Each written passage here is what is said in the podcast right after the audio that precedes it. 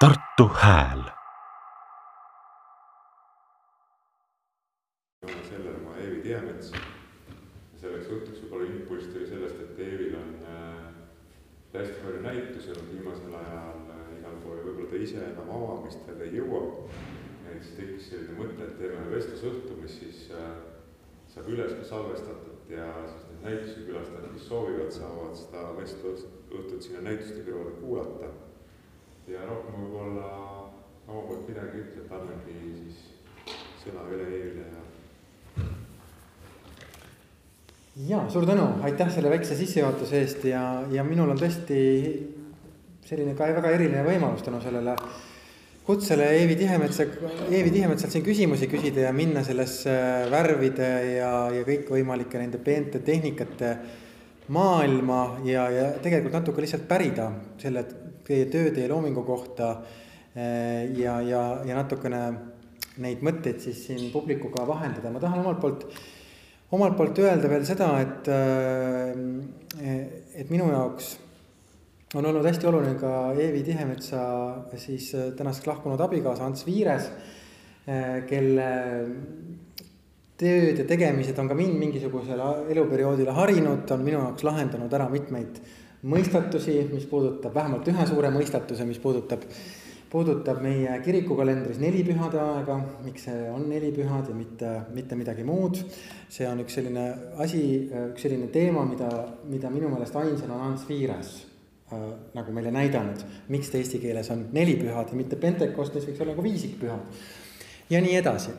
Aga meie kokku, kokkusaamise selline ajend siis täna on tõepoolest siin, siin kirjanike majas äh, Mustalaega saalis äh, seesama töö mis on äh, praegu siin esimesi tunde siis väljavaatamiseks.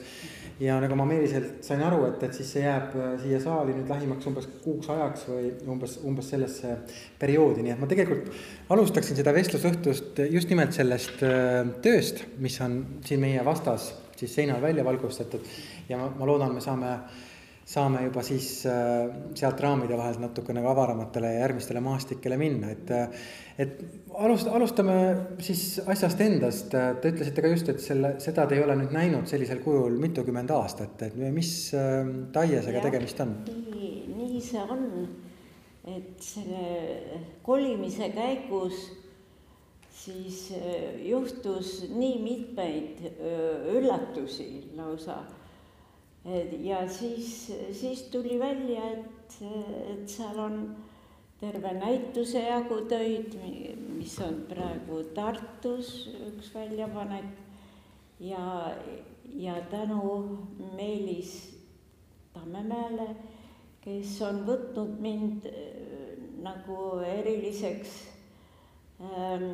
objektiks äh, eraldi välja tuua minu mm, niisuguseid unustusse jäänud töid ja, ja see on üks nendest töödest. see võib olla, et on jah, ta on paarkümmend aastat peidus olnud ja, ja, ja nüüd ta on siin seinal täiesti paarkümmend aastat vist mitte kusagil väljas olnud ja ma ei mäleta, et ta üldse oleks eriti väljas näitu, näitusel olnud. Ehm, nii et, et see on tore, et, et ta jõudis just siia kirjanike majja. Mul on selle üle väga hea meel, aitäh, Meelis, suur tänu sulle! Ja, ja ja, ja ühineme selle tänuga muidugi. Ja, ja, ja selle peale võiks kohe küsida, et teie olete küll, te olete ikkagi meie kunstiklassik ja klassikud on juba kusagil nii-öelda sellises noh, sõltumatud äh, iseseisvad autonoomsed üksused, aga, aga kui siin on juttu nüüd praegu galeristist, kes on aidanud teil välja otsida ühe sellise töö ja seda üles panna, et kui palju ja kui olulist rolli teie loomingu teel, teie elus on üldse mänginud nii-öelda sellised galeristid, kuraatorid, abilised, kes on aidanud nii, nii-öelda teha neid valikuid ja ja, ja võib-olla ka näituste juures mingisugust rolli mänginud või, või on see olnud ikkagi selline sõltumatu tegevus? ma ütleks, et see on nii ja naa, mitmeid pidi. et on huvilisi, kunstihuvilisi, kes on no eriliselt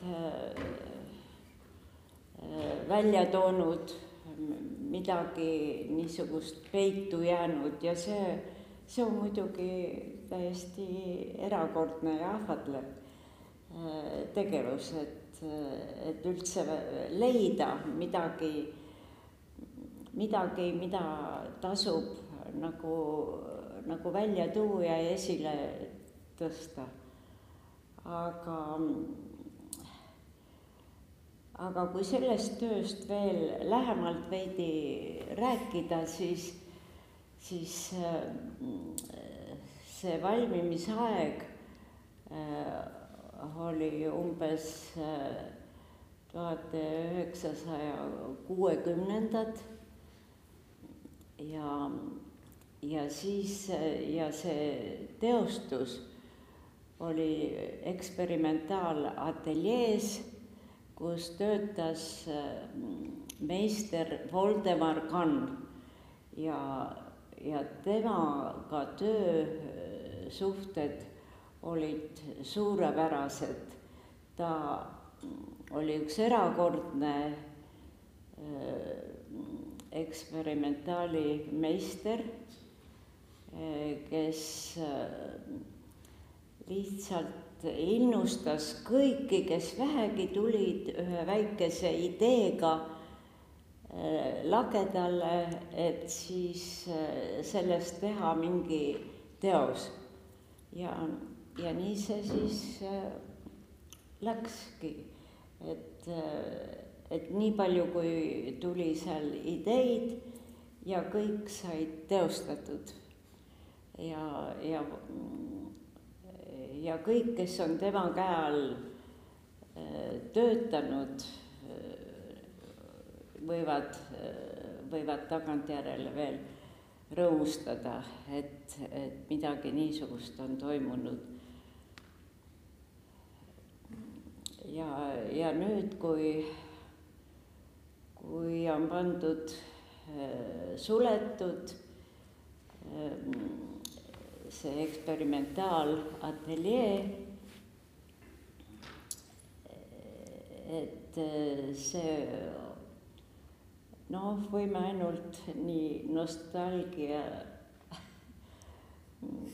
puhul meenutada teda ja, aga noh, tal on järeltulijaid ka, siiski Uku Kann, poeg on saanud ka üsna hea koolituse. Ehm, nii et ta on ka äh, hea meister. nii et tõstame esile neid vanu meistreid, kes, kes on äh, veel,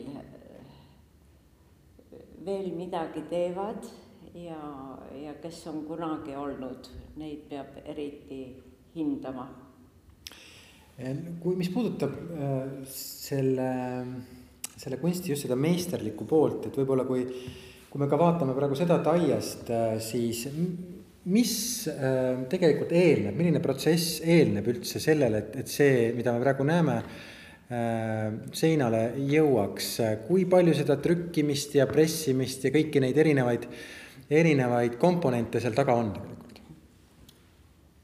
No see on üks pikk lugu, äh, kui hakata lahti arutama, et ähm, tegelikult äh, me läheme sinna, kui ehitati äh, üldse seda Viru keskust. Ja seal olid Vello Asi ja Vaino Tamm kes olid siis sisekujundajad. Ja, ja mingil ajal tekkis idee kohviku, kohvikus võib-olla teha niisugused värvilised litotööd äh, ja panna välja kohviku niisugustesse orv, orvadesse värvilist litograafiat. aga kahjuks see lõpuks lagunes käest ära, et rahad lõppesid otsa ja kuidagi kõik vajus laiali ja sellest ideest ja sellest projektist ei tulnudki lõpuni midagi välja, aga siiski jäid, jäid sellised tööd ja midagi jäi mm. -hmm. nii et, et, et selli-, selline lugu on päris alg-, alguperioodil, kui, kui sai niisuguseid värv-, suuri värvilisi litograafiaid alustatud, niisugust seeriat. ja neid on muidugi rohkem ja päris palju sai tehtud, aga kuidagi, kuidagi kõik vajus nagu, nagu ära, et et lõpuks, lõpuks see projekt jäi tegemata. kui palju üldse neid erinevaid tehnikaid teil, teie selles arsenalis äh, üldse on, ütleme, kui sellist graafikat teha, et, et mis, mis on need erinevad, erinevad variandid ja ausalt öeldes mind on alati huvitanud, et mulle nagu tundub, et lisaks konkreetsetele kunstilistele ideedele on tarvis mingisugust noh no tõesti sellist käsitöölise meistri mingisugust tõesti oskuspagasit ja tehnilist instrumentaariumi, et seda kõike seal toimetada, korraldada, suured kivid, pressid. Ähm, kui palju, kui palju ja mis taustad seal, seal, seal nii-öelda selles igapäevases töös on? no see on kõik äh, tänu siiski vanadele meistritele, ütleme Kunstiinstituudi päevilt et ikkagi viis aastat on see tehniline äh, õpetus käib. ja, ja seal on siis väga palju võimalusi, äh, tehnilisi äh, oskusi ja, ja suurepärased meistrid, kes sel ajal, kui mina õppisin, olid, olid seal olemas nii eh, söövitusalased eh, Offordi ütleme seal kõikvõimalikud tehnikad tuli läbi käia. puulõikest alates kuni vasegravüürini. ja ja siis noh, söövitus, see oli nagu väga tavaline. Ehm, ja, ja eeskujud kõik ees olemas nagu Viiralti eh, suured graafilised lehed ja, ja neid kõiki mingeid koopiaid me olime ju näinud ja ja instituudi ajal jah, Priit Põldroos tegi, tegi ühe päris huvitava sisselõike nagu Viiralti, eh, Viiralti loomingusse. et see oli üks, üks töö, mida tunnustati tema, tema töödest.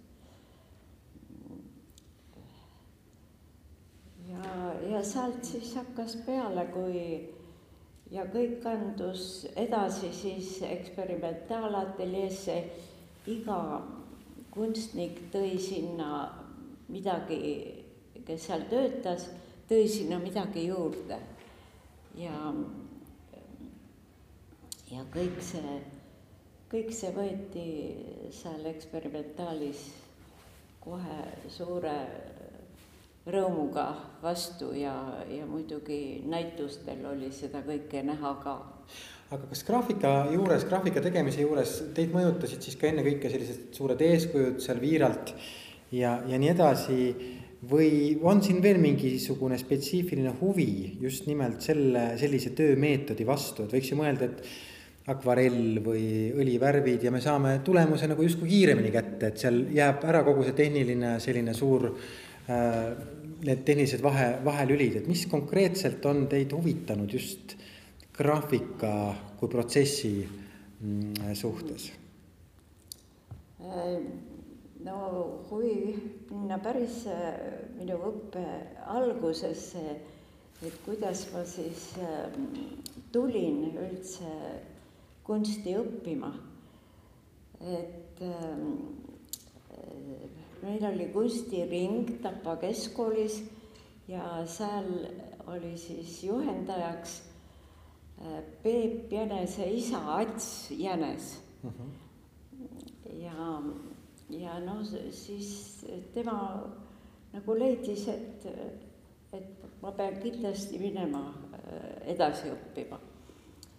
ja ja siis, eh, kui ma läksin oma dokumente sisse viima instituuti, ma olin enne uurinud, et, et eh, ja olnud ka kirjavahetuses ühe üliõpilasega, ehm, kes oli Markelov. Eh, et ja temaga kirjavahetuses olles ta kirjutas, et et, et ei maksa üldse proovidagi, et sinna on nii raske sisse saada instituuti. ja kui ma siis läksin oma dokumente sinna sisse viima, siis proua Miigma, üks väga kena proua oli neid dokumente sisse võtmas ja, ja ütles, et noh, kui te ei ole üldse proovinud õlivärvidega ega midagi teha, et siis, siis ma soovitan teid graafikasse proovida. ja tagavaraks oli siis veel tekstiiliosakond. nii et äh, aga siiski õnnestus kohe graafikasse siiski kohe sisse saada ja, ja ja seal oli huvitavaid, seal olid eelkursused ja eelkursustel ma kohtasin ka äh, seal, äh, nad praegu ei saagi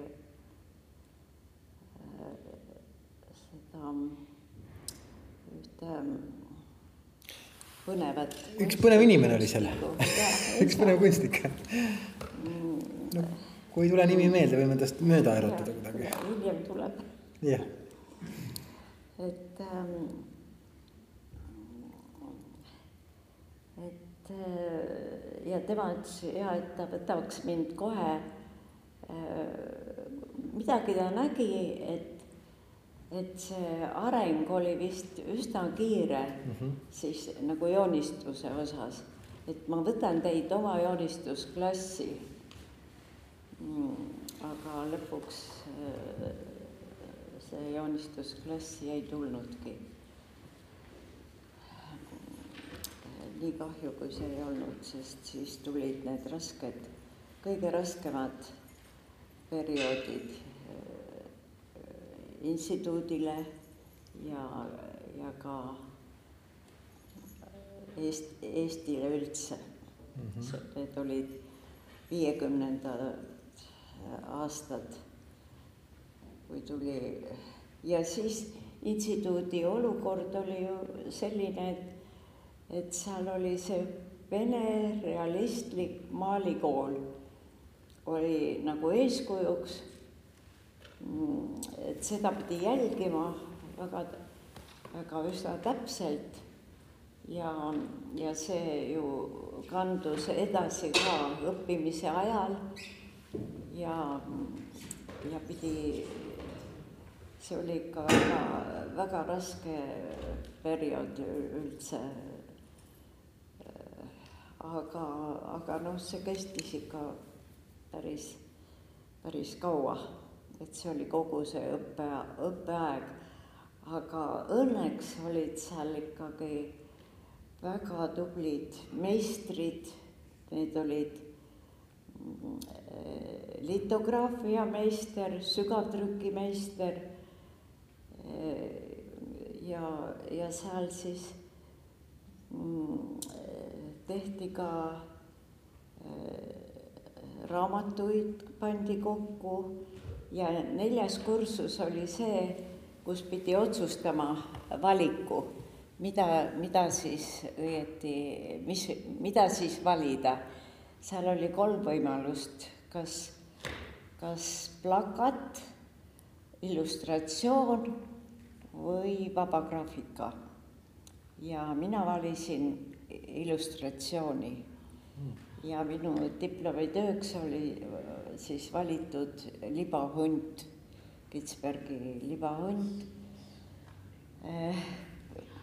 ja tagantjärele ma olen noh, ikka mõelnud, et, et see ei õnnestunud mul nii, nagu oleks pidanud õieti seda lahendama, seda,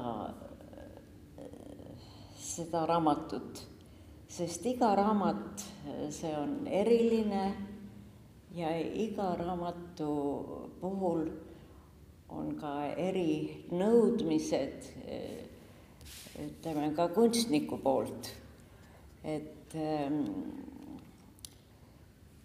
et näiteks ma oleks pidanud siiski nagu sisulist äh, lähenemist võib-olla rohkem läbi mõtlema. näiteks mul ei olnud seal üldse raamatus sees hunti, aga hunt oleks olnud ikka väga huvitav kujund mm. -hmm no meil on mõned, mõned raamatud siin ka kaasas, kus on teie, mis on teie kujundatud, illustreeritud. ja mitte üldse kõik, näiteks minul oli üllatuseks, et kõik kirjastuse Ilmamaa välja antavad Uku Maasingu siis need suured luuleraamatud on ka tegelikult teie kujundatud, kas seal on kasutatud mingisugust nii-öelda ornamenti kuskilt töödest või, või? seal on nagu üldkujundus kõik on äh, nagu, äh, nagu ühe äh, ümbrispaberiga kujundatud, ainult et värvid on siis valitud mm -hmm. eraldi igale teosele eraldi. aga noh, võib veel ühe näite tuua, siin on näiteks Anton Hansen Tammsaare üks selline väikene, väikene jutt, tähtis päev, mis on meile ka kõigile väga hästi teada, mis see on Äh, ja ma ei tea, äkki, äkki ühe raamatu näitel võtame sellesama Tammsaare. et kuidas ta tegelikult. see on mul üks lemmikraamat. tõsi jah ja.? et, äh, et kuidas te tegelikult materjali, ütleme raamatusse sisse elate, kus on see, need konksud, mida te nagu enda jaoks äh, siis selle raamatu kujundaja illustraatorina, kust saada kätte nii-öelda see, see asi, mille, mille kaudu siis oma ideed, oma seda visuaalset ruumi üles ehitada? aga ma olen raamatusse suhtunud nagu, nagu teatrietendusse või, või ma olen kuulanud Voldemar Pantso loenguid eh, instituudi ajal eh,. ta luges seal teatri dekoraatoritele režii aluseid mm -hmm. ja ta võttis meid siis päris ta oli alles tulnud äh, Moskvast ja tema esimene lavastus oli Seitse venda Draamateatris. ja kohe alguses viis ta meid äh, Draamateatrisse ja kõik need seitse venda olid siis seal, seal välja pandud ja kuidas, kuidas alustada, äh, et millest, millest ta siis lähtub ja, ja siis me olime kogu aeg selle lavastuse juures, et kuidas, kuidas need misantseenid siis mm, seal kokku pandi. ja vot nii ma olengi raamatusse suhtunud, et, et see on nagu lavastus natuke mm. -hmm. et ähm, ja, ja aga muidugi ma käisin ka Tammsaare eh, selle raamatu puhul kohal, Tammsaare maastikel mm. -hmm. ja joonistasin seal nii palju, kui seal oli võimalik ähm, siis neid hooneid veel ja, ja no inimesed, siis ma valisin oma Äh, oma lähedaste hulgast, nagu see vanaisa, võtsin oma ühe vanaisa foto ja selle, selle alusel siis tuli vanaisa.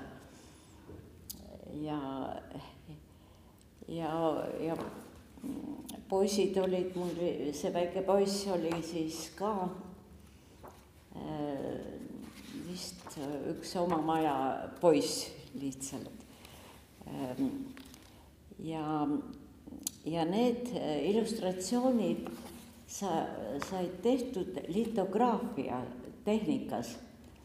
et iga raamatu puhul ma nagu valisin graafikatehnika, mis mind huvitas ähm, raamatu puhul, et äh, ema laulud, seal ma kasutasin mezzotinto tehnikat, et see oli, see oli nagu niisugune väljakraapimine mustalt pinnalt.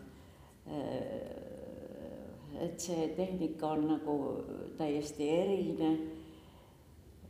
et Kalju Põllu ju kasutas väga palju seda metsotinto tehnikat oma töödes. aga mina iga raamatu puhul ma leidsin nagu võimaluse ähm, mingit eritehnikat kasutada mm. -hmm. ja see muidugi tegi väga huvitavaks siis raamatu illustreerimise ka. ja no ma pean oma nelipüha jutu juurde veel korra tagasi tulema, et nagu ikka Tammsaarega koos juhtuvad väikesed imed ja ma tegin selle ka lahti praegu, selle tähtis päev justkui sai alustatud Ants Viire selle väikese viitega, siis enne imet Tammsaar alustab oma jutustust Tähtis päev ähm, sellise lausega see oli nelipühi esimesel pühal, kui Kuusiku perenaine oma karjapoisi harjunud viisil varsti peale päikesetõusu üles äratas. nii et äh, nii on selle Tammsaarega. Äh, te olete ise Tammsaare-aegne inimene ju tegelikult, äh, sündinud tuhat üheksasada kolmkümmend kaks, Tammsaare oli oma parimas loomeeas siis. ja mõned parimad raamatud olid veel üldse tulemas. ega te, ega teil ei ole mälestusi oma lapsepõlvest, kus Tammsaarest räägiti, viimati nägite teda isegi? ei. kahju küll, ei, aga ja, ja huvitaval kombel, et eh, Tammsaare suri ju viie, neljakümnendal. just. ja, ja see on ka mingi märkimisväärne eh, tähtpäev. nii on, jaa kõike seda, mis tuli, seda ta enam ei näinud, kuigi ta muidugi oli seda ilmselt juba ja. aimas kõik, mis sealt tuleb. aga jah, võib-olla see oli tema õnn, et ta ja. ei, ei, ei näinud, aga Ants Viiresega koos siis sõitsime väikese sapakaga sinna Tammsaare maile. Ja, ja siis juhtus veel niisugune väike aps, et et eh, kui me hakkasime tagasi sõitma, kui ma olin kõik oma võimalikud joonistused seal ära teinud ja, ja siis oli äkki keset teed üks traktor ja me ei saanud selle väikse autoga enam kuidagi eh, kummaltki poolt mööda sõita. no ja, ja ühtegi inimest seal lähedal ei olnud nii et ähm, aga lõpuks siis Hans Piires ikkagi võttis äh,, äh, et sõitis niiviisi ühelt poolt äh, riivates siis mm, auto külge, nii et auto külg sai kannatada, aga me saime sealt tee pealt edasi. sõitsite väikese Šaparosetsiga seal siis? no ju sai selle Šaparosetsi pleki pärast sirgeks tagasi lüüa üsna, üsna lihtsalt. midagi tuli teha. ja muide, kui palju, kas, kas teil on olnud ka temaatiliselt no mingisuguseid erilisi huvisid, et mida kujutada, Kaljo Põllot mainisite, teda me seostame väga kindla sellise ikonograafiaga. isegi kui ma Ants Viirese peale mõtlen, siis mõtleks ka sellise no vana, vana Eesti peale Äh, et kuidas teiega on olnud, et kas, kas teid on ka tõmmanud mingid teatud tüüpi mütoloogilised, geograafilised, äh, piirkondlikud mingisugused maastikud, motiivid või, või võite teha, te teha kõike? Äh, mul on olnud õnn, et on olnud üks vanaisa talu, kus, kus ma olen saanud suveti Äh, olla. seal oli siis äh, üks äh, onudest, kes siis pidas seda talu. Ja, ja, ja mul on niisuguseid erilisi lapsepõlvemälestusi metsadest. Ja, ja ma olin kuidagi väga julge käima üksinda metsas. Ja kellelgi ei olnud õieti aega minu jaoks. ja, ja parajasti oli ju niisugune periood peres, kus oli sündinud kaks kaksikud poisid meie perre ja järsku oli niisugune olukord, et kui mind oli siiamaani hirmsasti hoitud ja, ja niiviisi, ma sain äkki vabaks. Ma sain teha, mis ma tahtsin, umbes nii. ja mul oli niisugune põnev, põnev, ma käisin väga palju sugulaste juures ja keegi mind ei keelanud. muidugi need talud olid kõik väga sünged ja pimedad ja aga loodus seal ümber oli väga, väga ilus, niisugused äh, põllud, rukkililled õitsesid, palju oli äh, moonipõlde ja, ja, ja üldse väga palju loodust ümberringi. nii et ilmselt see kõik äh, kuidagi on mind mõjutanud nii et loodus ennekõike loodus on see, see esmane kogemuse ja, ja, ja inspiratsiooni allikas. siis kasutanud ka äh, üsna palju ka oma raamatute illustreerimisel mm. -hmm.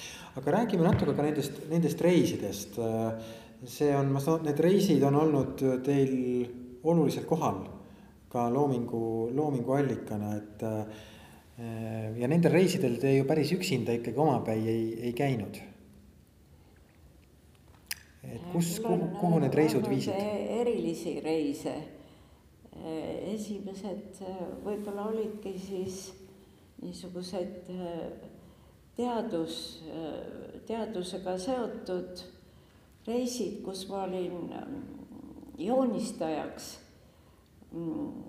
Ants Piirese teadustööle ja need, need on praegu, peaks olema joonistused ka Vabaõhumuuseumis üle antud sinna. et neid peaks kunagi isegi minema vaatama. et mis, missuguseid joonistusi seal veel siis alles, alles on. ja, ja siis äh, seal oli ka äh, üliõpilased äh, selle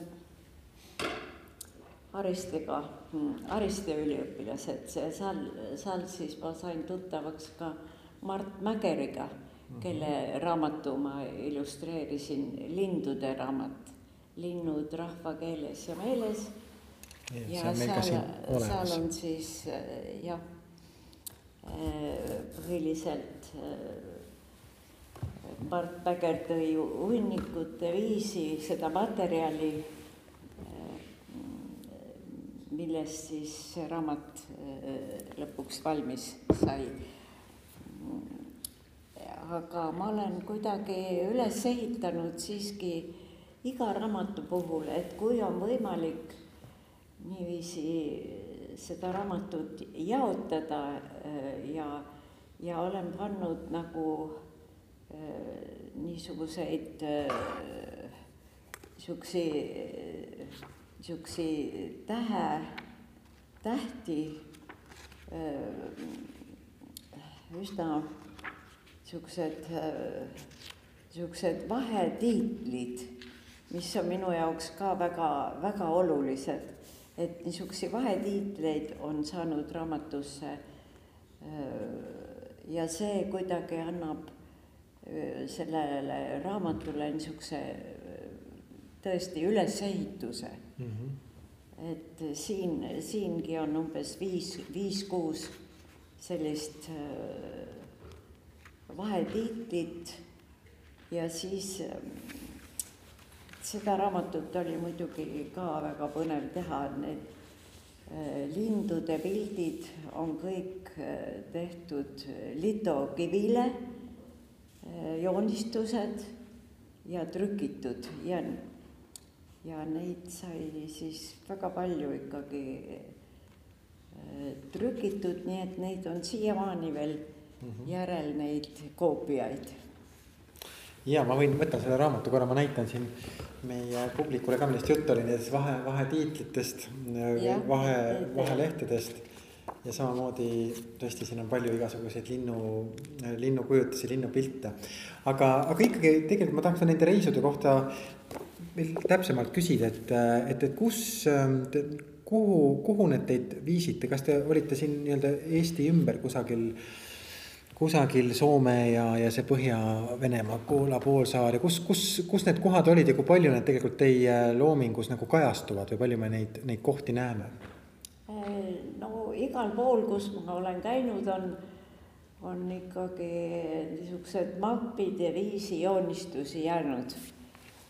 Või, või ka, või ka siis mingeid niisuguseid värvipilte. Et esialgu, kui me läksime Koola poolsaarele, siis, siis olid mul kaasas need tempera ja tempera noh, on vee baasil laustav tuub ja, ja päris, päris rasked kandamid, aga kelle, igaüks pidi oma koormat kandma.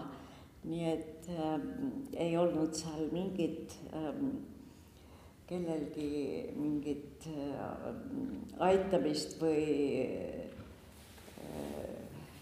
nii et see oli päris raske matk, peab ütlema. aga noh, seal oli küllalt keerulisi olukordi ja seiklusi. nii et, et see tuumik, kes siis olid seal Elvar Kits, Viktor Karrus, Priidu Aavik, kes, Priidu Aavik oli siis nagu selle grupi juht ja teda ma tundsin kõige rohkem, kuna me elasime Kose piirkonnas, Pirita Kose piirkonnas lähestikku ja, ja tema oli nõus siis mind kaasa võtma selle, sinna seltskonda.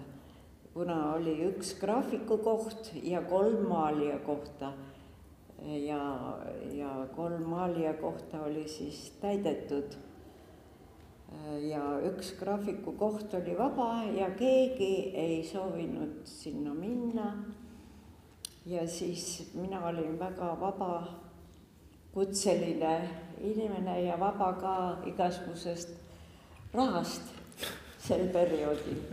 ja see, see stipendium, mis siis kaasa anti, see oli ikka meeletult suur raha. Äh, et pärast sai pool aastat sellega kõik ära elatud. Mm. Nii et äh, see, see kujunes väga äh, põnevaks, seikluslikuks ja, ja muidugi looduslikult erakordselt. Mm, põnevaks reisiks. et aga siis kujuneski nii, et mina jäin veel üksinda sinna Karjalasse, kui see kolmik meestegrupp juba tagasi koju poole sõitis. aga, aga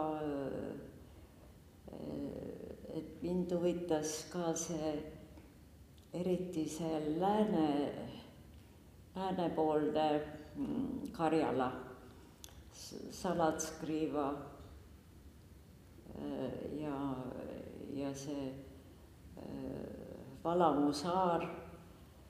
ja kui ma käisin eraldi mingisugust äh, noh, niisugust luba võtmas, et ma saaksin sinna üldse minna, siis see miilitsa ülem ütles, et minge kindlasti Palamuu saarele et, et see on, see on väga huvitav saar. ja sinna ma ka läksin. kuigi noh, see oli väga kurb pilt, see Valampu saare kogemus. seal, seal oli sõjainvaliidide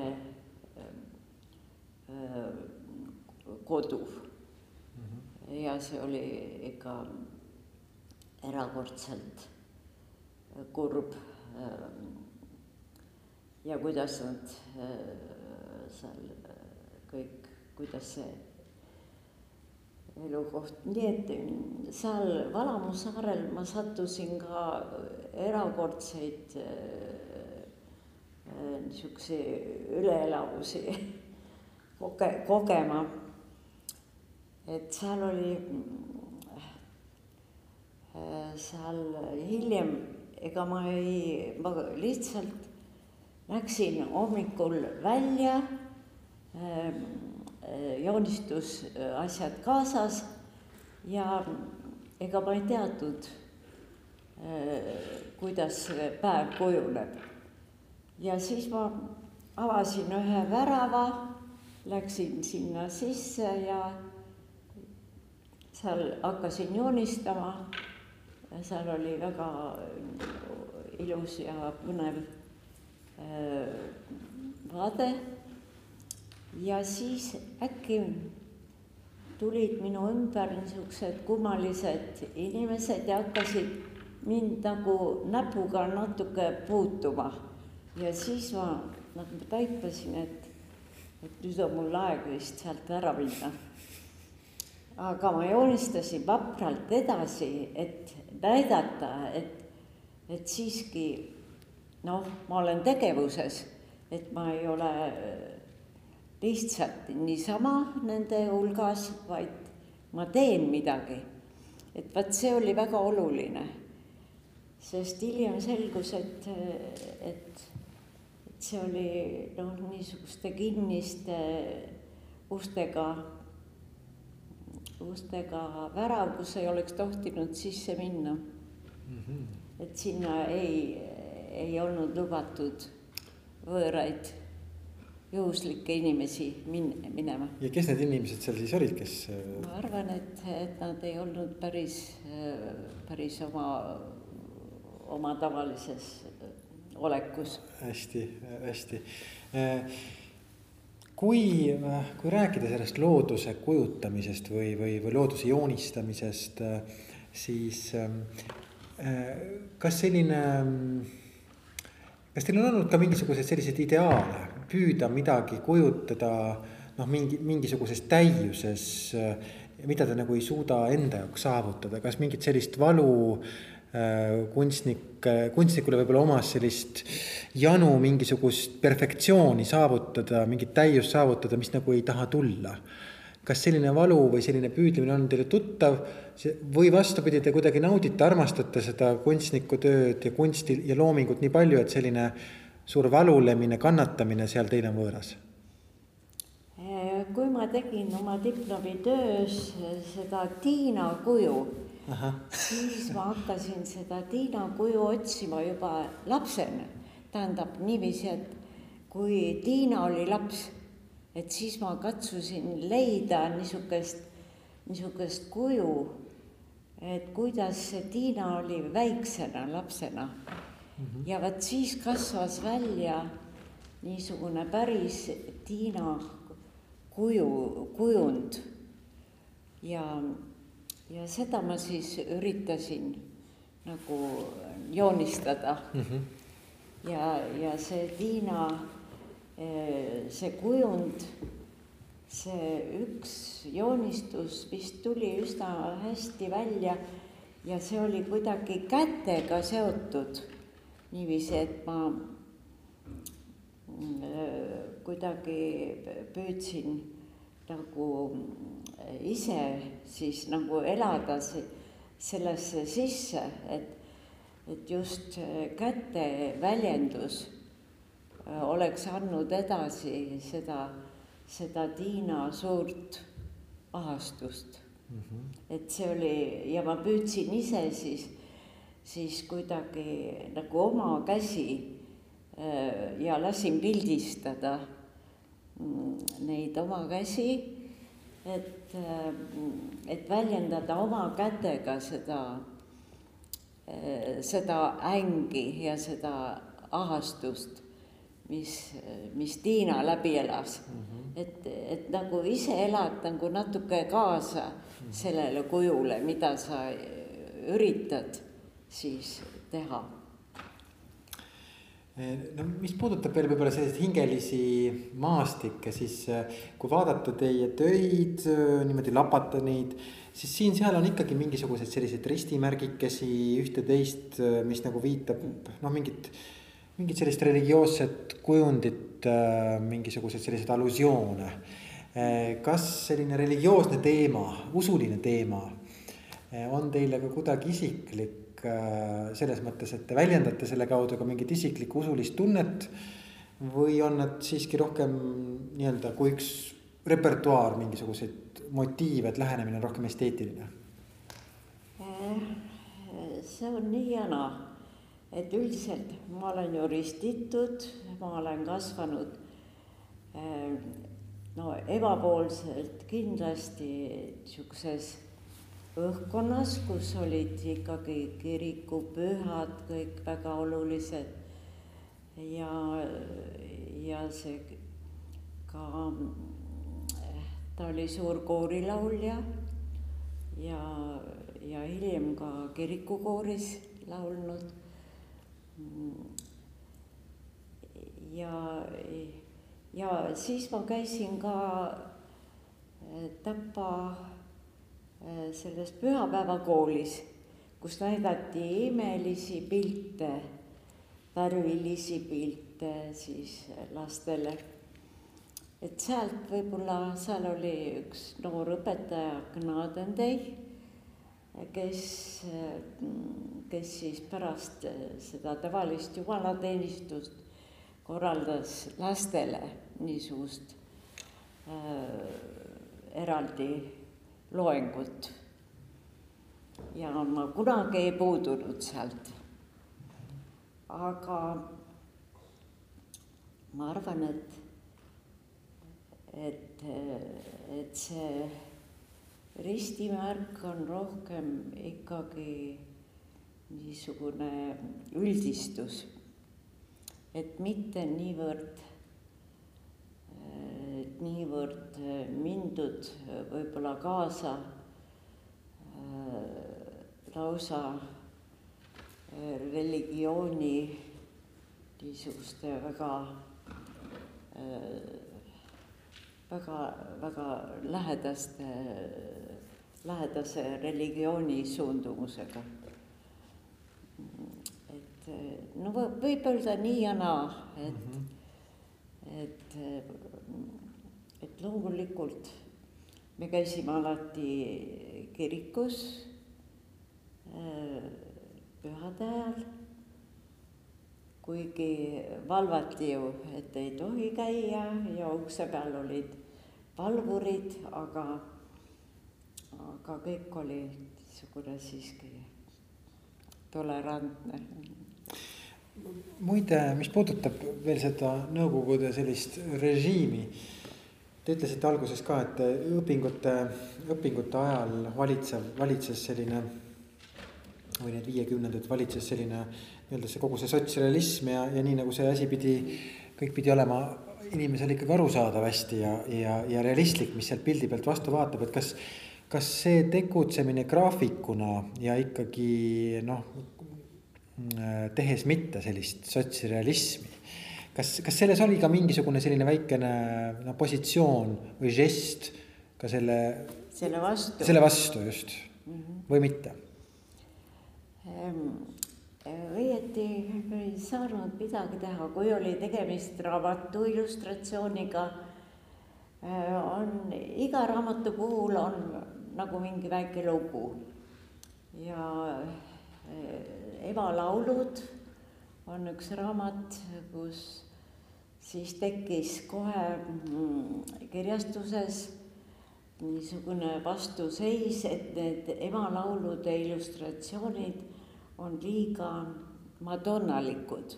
et seal, et seal oli siis ema lapsega, et, et tekkiski võib-olla natuke niisugune äh, religio-, religioosne tunnetus, et seda, seal olid kohe teatud inimesed, kes siis tulid ütlema, et nüüd te peate tegema uue illustratsiooni selle asemel et need kaks illustratsiooni jäävad välja. ja nii ma tegingi mm. -hmm. et pidin tegema, leidma midagi, midagi uut ja teistsugust natuke siis võib-olla, et mitte siis niisugune ema ja laps äh,. nii äh,. aga aga see oli ka üks raamat jah, mis siis nagu eraldi veel esile tõsteti. et selle eest äh, tuli ka mingi, mingi preemia aga kui, kui tähtsad või olulised teile, teile nagu kõige selle töö juures on olnud, ütleme tõesti siis mingid sellised klassikalised nii-öelda esteetilised kategooriad nagu ilu või, või mingi harmooniataju või veel muud sellised nagu klassikalised noh nimetame neid sellised esteetilised parameetrid, kriteeriumid, et, et kui palju te sellele mõtlete, et, et see, mida te teete, et taotleda sellega mingit tüüpi, ma ei tea, kas iluelamust, ilukogemust, seda kuidagi nagu püüelda? jah, ma kardan, et, et ma ei ole väga sellele tähelepanu pööranud. aga, aga seda ilu ma olen, ma olen nautinud looduses võib-olla kõige rohkem ja, ja, ja ma ei ole kunagi seda, ma olen teinud seda, mis mind on huvitanud. Ma ei usu, et ma olen erilist tähelepanu äh, pööranud mingi, mingi mingile tööle, et, et oleks, et, et oleks ilus mm. -hmm. et ma ei kujuta, kujuta isegi ette, et, et kuidas seda võiks teha, aga, aga võib-olla võiks, võiks isegi proovida veel aga sellisel juhul, mis äh, muudab teie jaoks ühe kunstitöö nagu huvitavaks, millal, millal teid nagu teie tähelepanu nagu mm, miski köidab, mis peab seal olema selleks, et see, et see teid kuidagi puudutaks või, või köidaks no,? raamatu tegemine on väga huvitav olnud. et äh, esimene raamat, mis ma üldse sain teha tuli kogemata. sest Viive Tollil oli liiga palju tööd ja siis ta ütles, et noh, andke see edasi kellelegi. ja nii ma sain siis äh, ühe Anderseni raamatu Metsluiged. see on meil ka siin laua peal olemas. et see oli mu esimene raamat, mis ma tegin. ja, ja muidugi muinasjutt on ju ideaalne asi illustreerida mm. -hmm. ja, ja muidugi siis hiljem, kui hiljem oligi nii, et, et kuna ma olin nagu mingis suhtes, no linnud, siis,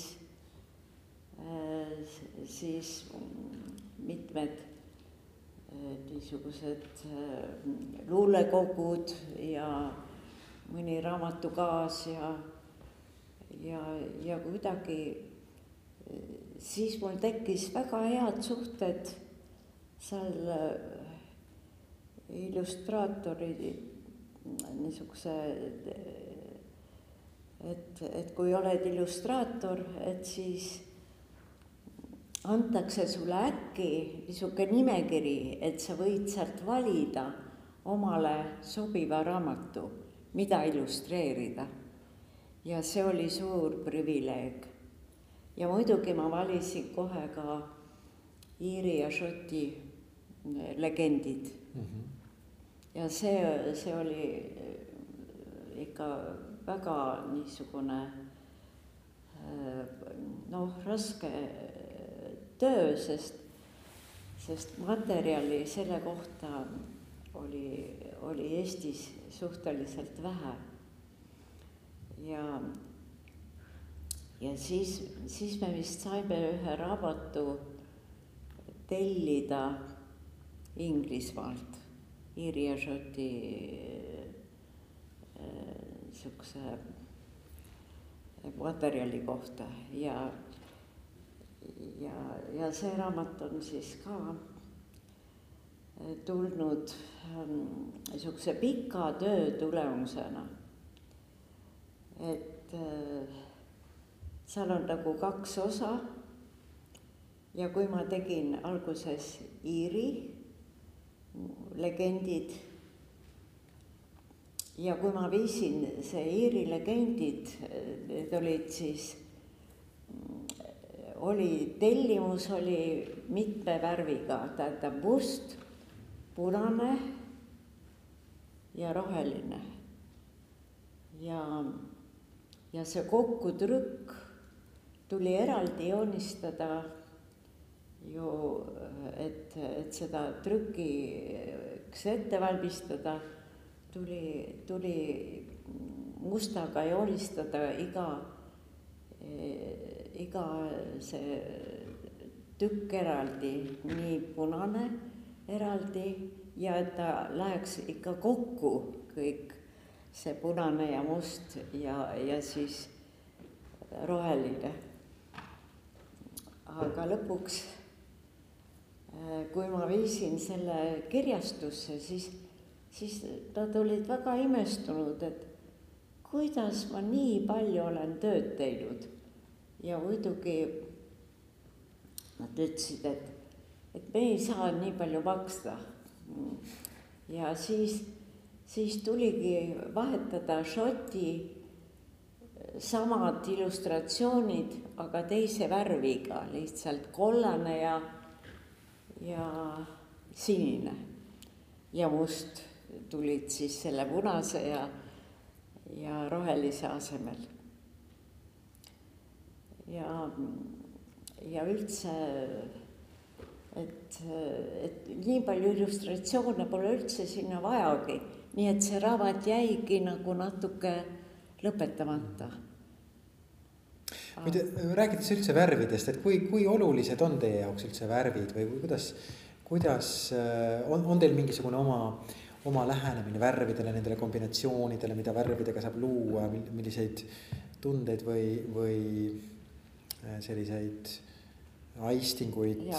on võimalik värvidega luua? värvid, äh, värvidega saab luua täiesti, täiesti olulisi äh, niisuguseid äh, astinguid või tundeid mm. -hmm. Et, et see on ju loomulik. aga, aga noh, nii palju, kui ma olen, on võimalik olnud, siis ma olen seda ikka raamatutes püüdnud, püüdnud teha. Ja muidugi eriline raamat, mida ma ka nautisin, seda tegemist oli Lumekuninganna mm.. et, et ikka, ikka muinasjutt. aga mis on muinasjutus või, või selles legendis, selles äh, žanris nii köitvat teie jaoks, mis selle kunstniku fantaasia käivitab? no see lugu ise, et kuidas see algab ja kuidas ta lõpeb et eh, terve see jooksev tekst ja siis panna sinna täpselt õigesse kohta see illustratsioon. et see, see on siis see ülesehitus, raamatu illustratsiooni üles, ülesehitus, et kuhu sa paned selle illustratsiooni. et sa teed alguses endale mingisuguse maketi et, et mis kohta mm -hmm. sa hakkad illustreerima seal raamatus. Ja, ja nii see siis järk-järgult kujuneb välja. ja et kui palju neid illustratsioone tuleb. aga tavaliselt ähm, mõne luulekogu puhul oli päris kurb, et seal olid kõik ähm, ette nähtud formaat, suurus, maht ja mitte üks illustratsioon rohkem, kui oli ette nähtud, seal oli, ütleme, noh, et sa, sa, sa ju lõpuks teed ikkagi ise oma valiku järgi selle koha, kuhu sa paned illustratsiooni ja, ja mida sa seal kujutad. aga no ja selleks on siis kunstiline toimetaja. Sa pead minema sinna temaga nõu pidama, kas, kas see on kõik nii, nagu see peab tulema või teeb tema oma märkused ja ütleb, et ei, et, et vot see on hoopis, et sa pead hoopis midagi muud tegema. ja no nii, nii on olnud küll isegi niisugust vastasseisu. ma, ma tahtsin just küsida, et mulle nagu tundub, et te olete üsna leplik inimene, et, et kui antakse mõista, et natuke vaja teistmoodi teha, et te teete või võite te olla ka kuidagi, kuidagi printsipiaalne, öelda, et vot seda me nüüd küll ei tee. ma olen olnud printsipiaalne üks kord, kui kui oli üks raamat, mis oli pioneeridest mm, ja niisugustest, äh, niisugusest, äh, niisugune tekst, mis mulle ei meeldinud. ja ma ütlesin ära, et ma ei hakka seda illustreerima. ja nii jäi? nii jäi. kas on praegu veel, ma ei tea, palju, palju te jõuate iga päev lugeda või või mõtiskleda veel selle üle, mida võiks veel teha, et kas on, ma ei tea, mõni muinasjutt või mõni, mõni lugu, mõni raamat, mõni motiiv, mida nagu tahaksite veel illustreerida või, või mis paneb nagu fantaasia käima, aga mida nagu ei, mida ei ole saanud teha millegipärast? jah, on küll. ja, ja see on Maria Underi üks, üks lugu. ja see see on Tuutaimi marjade lugu, ma ei tea, kas te teate? Ma olen kindel, et publiku hulgas on inimesi, kes teavad. Ähm, jah, ja see, äh, seda ma olen kasutanud ka oma, oma graafikas mm -hmm.. Tuutaimi marjade lugu. ja see, sellele ma olen otsinud prototüüpe ja ma olen teinud joonistusi ja see on tegemata tervikuna. igaks juhuks võib-olla mingi väga väikese resümee sellest loost, et tähendab, mis, mis, mis lugu see on selline ikkagi siis? no see on Karjase lugu, kus on siis need kaks ilusat naist äh,. Rahel ja, ja Lea. see on see lugu mm. -hmm. Järgmisel aastal on märtsis Maria Und-, Maria Underi ümmargune tähtpäev, minu arust on see sada nelikümmend. nii et võib-olla veel tekib võimalus, äkki keegi siin kuuleb ja teeb selle võimalikuks seda, seda lugu illustreerida. ei, seda, seda ma võiks täiesti teha, võimalus on mm. -hmm.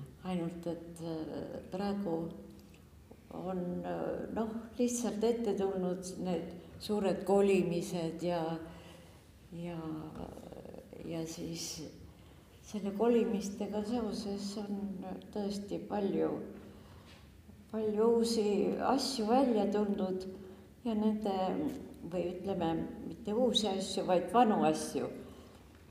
ja nende vanade asjadega on ka tegemist, et, et neid veel kuidagi, kuidagi seada korda ma täpselt ei teagi, mis on nende kõikide kolimiste, miks neid kolimisi nii palju praegu on olnud, aga, aga ma küsiks võib-olla ka meie, meie vestluse äh, lõpetuseks, et, äh, et palju, milline näeb praegu teie päev, päev välja, et kas on mingi osa, mingid tunnid päevast ikkagi ka töö jaoks mõeldud? töötate te igapäevaselt äh, loomingu kallal ka praegu? ei, tähendab mitte nii järjekindlalt aga muidugi, kui on ateljee koht olemas, siis see tõmbab sinna. Nii et äh, üritan ikkagi veel, veel kõndida sinna mm. -hmm. Mm. ja äh, mul on hästi hea meel, et meie, meie publik on meid niimoodi truult kuulanud ja ma korra pööraksin pööraksin äh, ennast ka hea, hea publik teie poole, et kui on, meil on praegu hea võimalus. kunstnik Eivi Tihemets on siin meiega, et, et kui teil on omalt poolt mõni repliik äh, või, või küsimus või veel omapoolne mõtteavaldus, siis olete kutsutud seda praegu ka väljendama nii et, äh, nii et head külalised, võib-olla mõni, mõni küsimus või repliik veel Eevile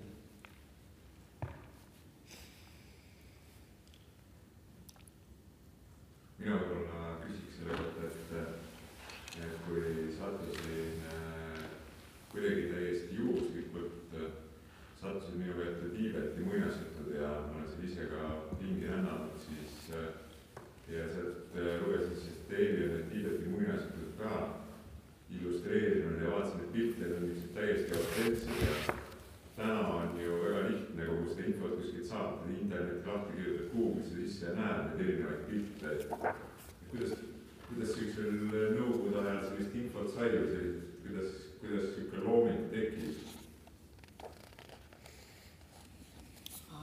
see Tiibeti muinasjutud siis siin. jah, et see oli ka hästi-hästi põnev äh, tegemine, et ma käisin ka Ermitaažis äh, seda materjali otsimas mm, -hmm. mida ja, ja Ermitaažis äh, käisin, me käisime koos Ilja Lätiga, kes, kes oli ka väga noh, Ermitaaži äh, hea tundja ja, ja meile siis tõesti näidati niisuguseid, niisuguseid salajasi kohti, mis, kus ma sain nagu näha mingeid, mingeid Tiibeti asju. et seal oli üks eraldi ruum Tiibeti kohta no see, see ei olnud tavaliselt avatud, aga niisuguseid võimalusi siis pakuti mm. -hmm. et see, see oli tõesti jälle eri olukord, aga see oli väga põnev. ja, ja muidugi sai seal siis kiiresti midagi äh, visandatud. Ja aga tähtsam oli veel see üldmulje. Ja, ja see oli, see oli väga põnev siiski seda materjali näha ja seda, sellega töötada ja mul tekib ka veel üks seos üheks, üheks väikseks küsimuseks, me ei ole puudutanud tegelikult sellist žanri nagu on portree. Ja, ja sealhulgas ka autoportree, teil on, teil on äh, autoportreid ja te olete, olete teinud ka portreesid äh, ma ei, tegelikult ei olegi minu jaoks päris lõpuni selge, et miks kunstnikud autoportreesid joonistavad, äh, miks või, või kujutavad. Miks neid teha? kui ei ole parajasti kedagi käepärast siis... niisugust huvitavat inimest, siis, siis lihtsalt vaatad ise peeglisse ja. ja teed? ja, ja teed, kas on siis äh, rõõmsam tuju või on nututuju mm, -hmm. ükskõik aga, aga tähendab, kui, kui palju, kui palju on teil portreesid või, või kes on need inimesed, keda te portreteerinud, kellest te olete teinud portree mm, taiese siis, mis iganes tehnika see siis parasjagu on olnud? no mul on olnud väga hea sõbranna Olga Terri ja temast on portree ja muidugi Ants Viiresest on portree mm -hmm. ja ja mu emast on portree. ja, ja mul on jube kahju, et mul ei ole isast portreed, aga on üks väike joonistus mm -hmm. isast ja, ja, ja kahjuks ei ole ma ei ole ka joonistanud oma vendi mm. -hmm. et sellest on ka kahju aga ma olen, ma olen joonistanud äh, lapsi. no lapsed on olnud mul ka siin raamatutes ja, ja, ja on olnud päris, päris põnevaid niisuguseid lasteraamatuid ma olen ju ka illustreerinud ja ja teinud ka mõned graafilised lehed tellimusena lastest mm. -hmm. nii et, et noh, mul on olnud vabadust teha kõike, mida ma olen tahtnud enam-vähem. ja, ja see ja et see, et ma olen saanud olla niisugune vabakutseline. et see on olnud ka suur, suur eelis, et mind ei suunatud pärast lõpetamist kuhugi tööle. ja, ja ma sain kohe jääda eksperimentaal oli siis see minu töökoht kus ma peaaegu iga päev käisin. ja, ja see, sealt siis on tulnud ka see, ka see trükikogus, mis, mis on päris, päris suur. Ja, ja sellega, sellega ma olen nüüd viimasel ajal just õiendanud neid. ma olen pannud teinud nendest äh, väiksematest töödest kollaaže kokku pannud, teinud neid, nendest siis suuremaid töid. ja see on olnud äh, väga noh, niisugune äh, noh, ütleme niisugune jõukohane töö mm. -hmm. ja kas on, kas on veel mõni, mõni repliik või, või küsimus? aastaid tagasi ilmus sinust üks artikkel ajakirjas, selle pealkiri oli kunstnik, kes armastab värve. kas sul on välja kujunenud ka mõned meelisvärvid või kasutad kõiki värve ühtemoodi? värve äh, äh, no põhiliselt äh, on ikka viimasel ajal, ma olen olnud neid sügavtrüki, mitmeid sügavtrüki töid teinud ja ka läinud värviliseks lõpuks. nii et, nii et mitte ainult litograafia ei ole toonud värve, vaid, vaid ka sügavtrükis ja, ja raamatu illustratsioonides ma olen kasutanud ka neid raamatu illustratsioonides olen kasutanud ka, ka värve, mitut värvi kokku trükkinud mõnes lasteraamatus. et see, et üldiselt vist umbes, umbes kakskümmend raamatut tuleb vast kokku niisuguseid lasteraamatuid mm. -hmm.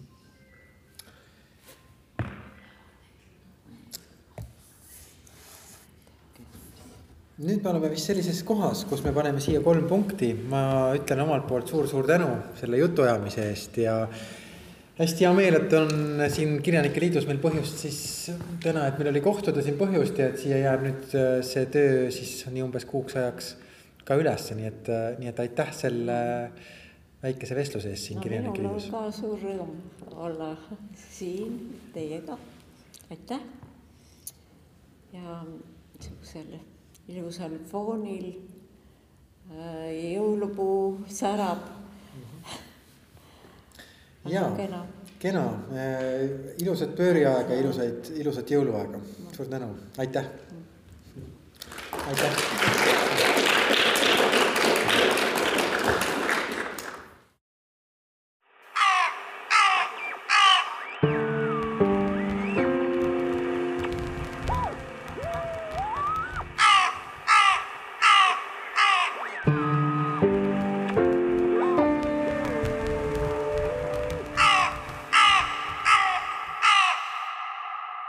Tartu Hääl